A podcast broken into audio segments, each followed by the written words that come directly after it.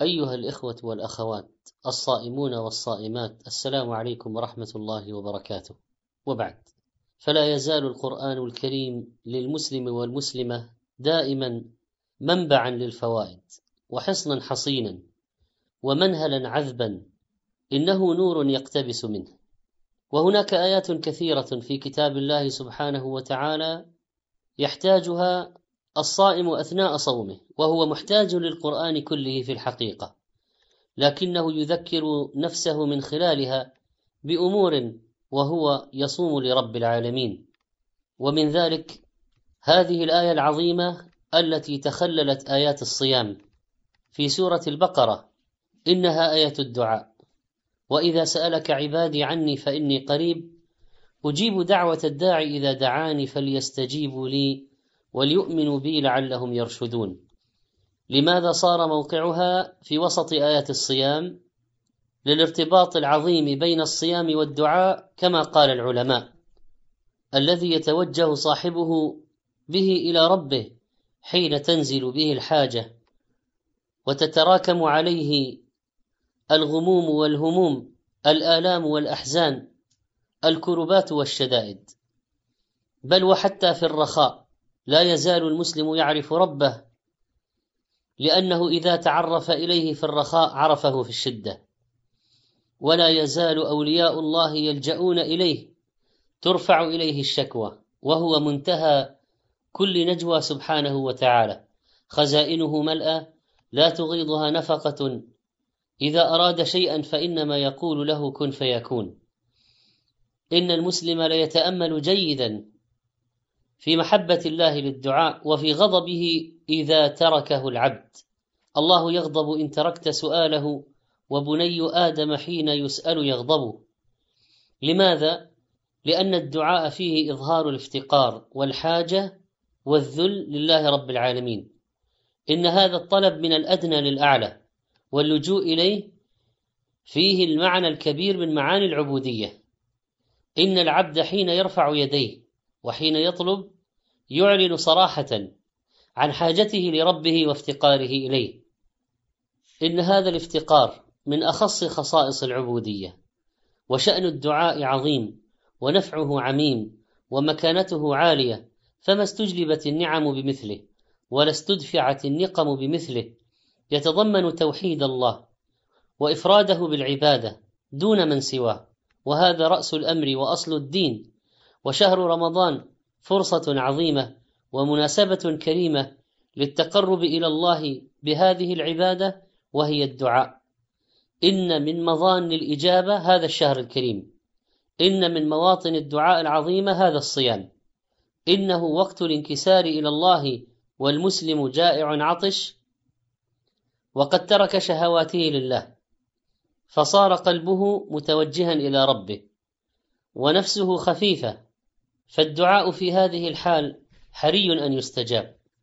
إنه السلاح الذي نجى الله به نوحا يوم الطوفان ونجى به موسى عليه السلام من فرعون الطاغية ونجى به صالحا وأهلك ثمود وأذل عادا وأظهر هودا عليه السلام وأعز محمدا صلى الله عليه وسلم لما دعاه.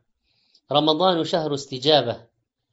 إن هذه الشفاه الذابلة والبطون الضامرة عندما يتوجه أصحابها إلى الله عند نزول الملائكة وفتح أبواب الرحمة وأبواب الجنة المفتوحة وأبواب الجحيم المغلقة إنه فعلا سر عجيب إنها فعلا مناسبة محفوفة بهذه الأسباب الكثيرة للإجابة. قال ابن كثير رحمه الله عند الآية السابقة في سورة البقرة في تفسيره في ذكره تعالى هذه الآية الباعثة على الدعاء متخللة بين أحكام الصيام إرشاد إلى الاجتهاد في الدعاء عند إكمال العدة بل وعند كل فطر كما روى ابن ماجه عن عبد الله بن عمرو رضي الله عنه قال قال رسول الله صلى الله عليه وسلم إن للصائم عند فطره لدعوة. دعوة عند الفطر لا ترد. ودعاء في ثلث الليل الأخير مستجاب. وليلة خير من ألف شهر. فما أعظم هذه المناسبات في هذا الشهر؟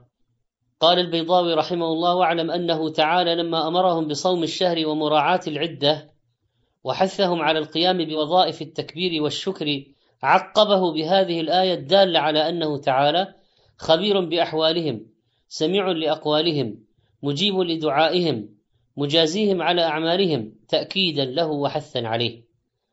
وقال الطاهر بن عاشور رحمه الله وفي هذه الآية إيماء إلى أن الصائم مرجو الإجابة وإلى أن شهر رمضان مرجوة دعواته وإلى مشروعية الدعاء عند انتهاء كل يوم من رمضان ذكره في التحرير والتنوير في المجلد الثاني.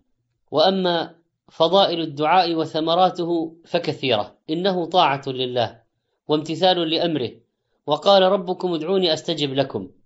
إنه عبادة والعبادة يؤجر عليها صاحبها إذا ابتغى بها وجه الله. وقال ربكم ادعوني أستجب لكم. إن الذين يستكبرون عن عبادتي سيدخلون جهنم داخرين.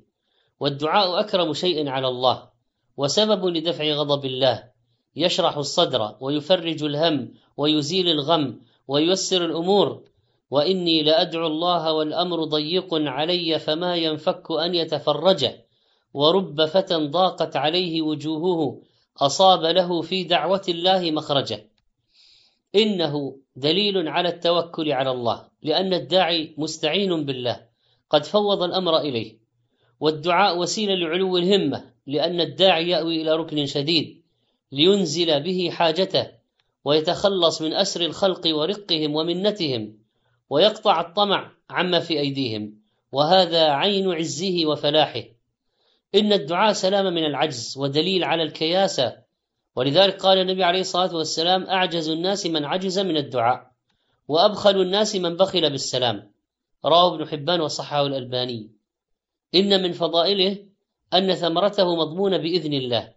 ما من أحد يدعو بدعاء إلا آتاه الله ما سال أو كف عنه من السوء مثله ما لم يدعو بإثم أو قطيعة رحم. رواه أحمد والترمذي وحسنه الألباني. فدعاء المسلم لا يهمل بل يعطى ما سأله إما معجلا وإما مؤجلا. قال ابن حجر رحمه الله كل داع يستجاب له لكن تتنوع الإجابة فتارة تقع بعين ما دعا به وتارة بعوضه. اذا أبشر أيها الصائم أيتها الصائمة البشرى لكما عظيمة. وإني لأرجو الله حتى كأنني أرى بجميل الظن ما الله صانع. اذا نحن في شهرنا هذا نتحرى الكرم من الكريم سبحانه وتعالى. لا بد أن يعطي.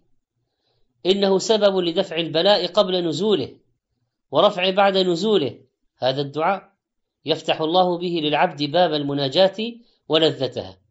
تأمل يا أخي تاملي يا أختي هذا الدعاء عندما تقوم به فإنك تحس بلذة وأنت تلح على مولاك.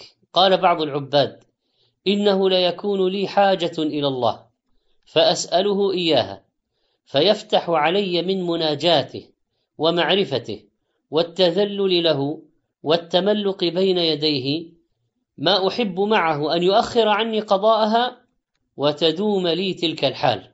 سبحان الله. فصارت لذة الحال عند المناجاة أعظم في نفس ذلك الداعي من الحاجة التي سألها. وكثيرا ما تكون هذه حاجات الدنيا. هذا الدعاء يثبت الله به أقدام المؤمنين.